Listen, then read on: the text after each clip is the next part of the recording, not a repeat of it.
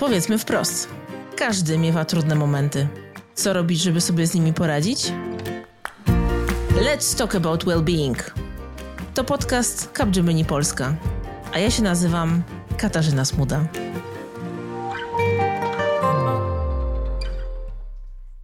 W poprzednim odcinku dużo mówiliśmy o tym, z czym zmaga się współczesny lider.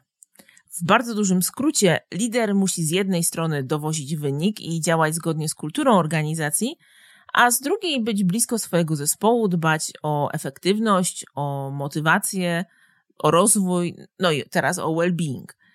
Od lidera oczekuje się także, że ma być ludzki, choć często nie daje mu się przestrzeni na chwilę słabości i na możliwości popełnienia błędów.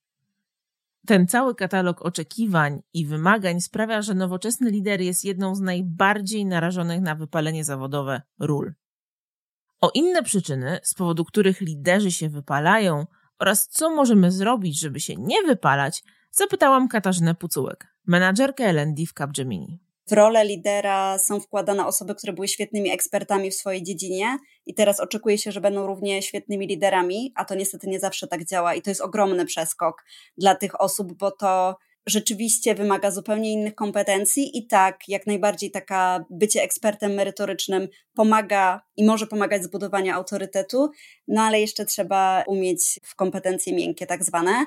Często też właśnie problemem jest dysonans tej roli, to bycie w takim właśnie wiecznym rozdarciu, że jako lider muszę spełniać oczekiwania z bardzo wielu stron, muszę je jakoś pogodzić, a tak naprawdę oczywiście zależnie od e, organizacji, zależnie od tego, w którym miejscu organizacji ten lider jest, to też mam ograniczoną moc sprawczą, tak? Nie o wszystkim decyduję, zwłaszcza w tak dużych organizacjach jak chociażby nasza. Jest wiele różnych ustaleń, polityk, które ja po prostu muszę zakomunikować, wyegzekwować i to jest coś, co dla wielu osób e, jest bardzo trudne.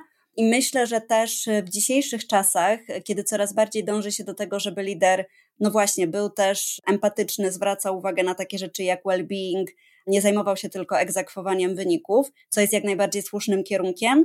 Natomiast to też oznacza, że ten lider dostaje taki bagaż personalny od ludzi, a ten bagaż często potrafi być bardzo trudny. Pamiętam, jak na jednym szkoleniu liderka powiedziała mi, że ma taką e, pracownicę, która od roku mniej więcej przechodzi taki dosyć mocny kryzys i że to już doszło do takiego momentu, że ona nawet ją zapraszała do siebie do domu, w sensie ta liderka swoją pracownicę, dużo z nią rozmawiała, wyniki tej osoby w ogóle się nie poprawiały i kryzys też cały czas istniał i ta liderka już była tym po prostu mocno przeciążona, czuła, że musi wziąć na swoje barki też odpowiedzialność za to, tak? Czy to, co teraz jest często dyskusją, chociażby w temacie pracy zdalnej, to też e, znowu ludzie, jasne, mają swoje prywatne sytuacje życiowe, do których też trzeba wykazać zrozumienie i tam, gdzie można się dostosować, jak najbardziej fajnie to zrobić, ale to też ma swoją granicę. Jeżeli ktoś przychodzi i mówi, nie mogę przyjechać do biura, bo nie mam miejsca parkingowego, pomimo tego, że istnieje komunikacja miejska,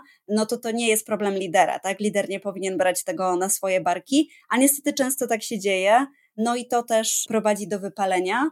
To, co też myślę może być taką przyczyną, to znowu też oczekiwania ze strony pracowników, tak, że czasem niektórzy pracownicy popadają trochę w taki schemat braku samodzielności, e, niebrania odpowiedzialności za to, co robię, tylko takiego oczekiwania, że lider mi wszystko przyniesie, da na tacy, wytłumaczy, znajdzie. No i znowu to jest szalenie obciążające. Ten lider przecież też ma swoje określone zasoby poznawcze, czasowe i tych rzeczy do załatwienia ma naprawdę bardzo dużo. I jeżeli ma zwłaszcza duży zespół, no to to jest trudne. No i oczywiście też właśnie te elementy strukturalne, tak? Czyli w mojej ocenie lider, żeby był efektywny, powinien mieć od 10 do maksymalnie 15 osób pod sobą. Natomiast są przypadki, że ma 20, 25 takich bezpośrednich reportist, czy nawet więcej. No i umówmy się, wtedy to jest e, po prostu nie do przerobienia. To jest coś, co, co może powodować to wypalenie. No i właśnie znowu ten brak samoświadomości. To jest coś, co w ogóle jest takim, myślę, społecznym problemem. Brak takich kompetencji związanych z inteligencją emocjonalną. I teraz jak temu zaradzić? Jest y, na pewno bardzo ważnym to, żeby patrzeć na tą strukturę organizacji, jak ta rola lidera jest ułożona, właśnie, czy ten lider nie jest y, przesadnie przeciążony obowiązkami i czy realistyczne jest oczekiwanie, że zarządzi 15 osobami i zajmie się wszystkimi miękkimi tematami, a jednocześnie będzie dostarczać procesy i jednocześnie będzie pracować z klientem i z menedżerem bo to nie zawsze jest po prostu realistyczne. E, po drugie, żeby dobrze też y, temu liderowi definiować jego rolę i to, czego my od niego oczekujemy, i równocześnie czego nie oczekujemy, tak? Co jest już poza tą granicą i czego naprawdę lider nie musi brać na siebie i nawet nie powinien. No i na pewno rozwijanie tych kompetencji inteligencji emocjonalnej. Ważne jest oczywiście też dobieranie liderów w odpowiedni sposób, tak? To znaczy w taki sposób, żeby rzeczywiście to były osoby, które mają do tego potencjał i e, mają szansę się rozwinąć w tym kierunku. No, ale też dobrze by było, gdyby za tym szły jakieś znowu odpowiednie, powiedziałabym, benefity czy gratyfikacje, żeby tych liderów doceniać, bo oni też często w organizacjach są trochę w takiej luce, czyli są pewne narzędzia, żeby docenić osoby, które są ich pracownikami, różnego rodzaju bonusy, nagrody, pochwały. Są pewne narzędzia, które doceniają menedżerów, Natomiast liderzy są często w takim właśnie, w takiej pustce, gdzie trochę brakuje tych narzędzi do doceniania. No plus właśnie, jeżeli lider też pracuje w taki sposób, żeby pokazać sukces swojego zespołu, co jest jak najbardziej zasadne, no to często brakuje po prostu kogoś, kto doceniłby sukces tego team lidera i, e, i jego pracy.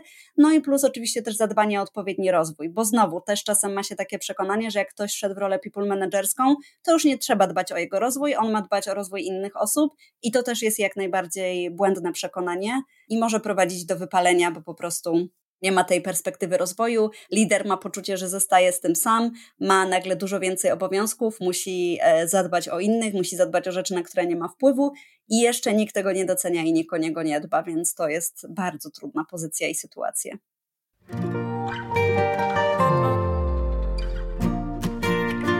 Żeby nie przegapić kolejnych odcinków, zasubskrybuj podcast Let's Talk About Wellbeing w swojej ulubionej aplikacji do słuchania podcastów. A jeśli ten odcinek Ci się spodobał, podziel się nim z koleżankami i kolegami z pracy. Niech oni też skorzystają z zawartych w nim rad.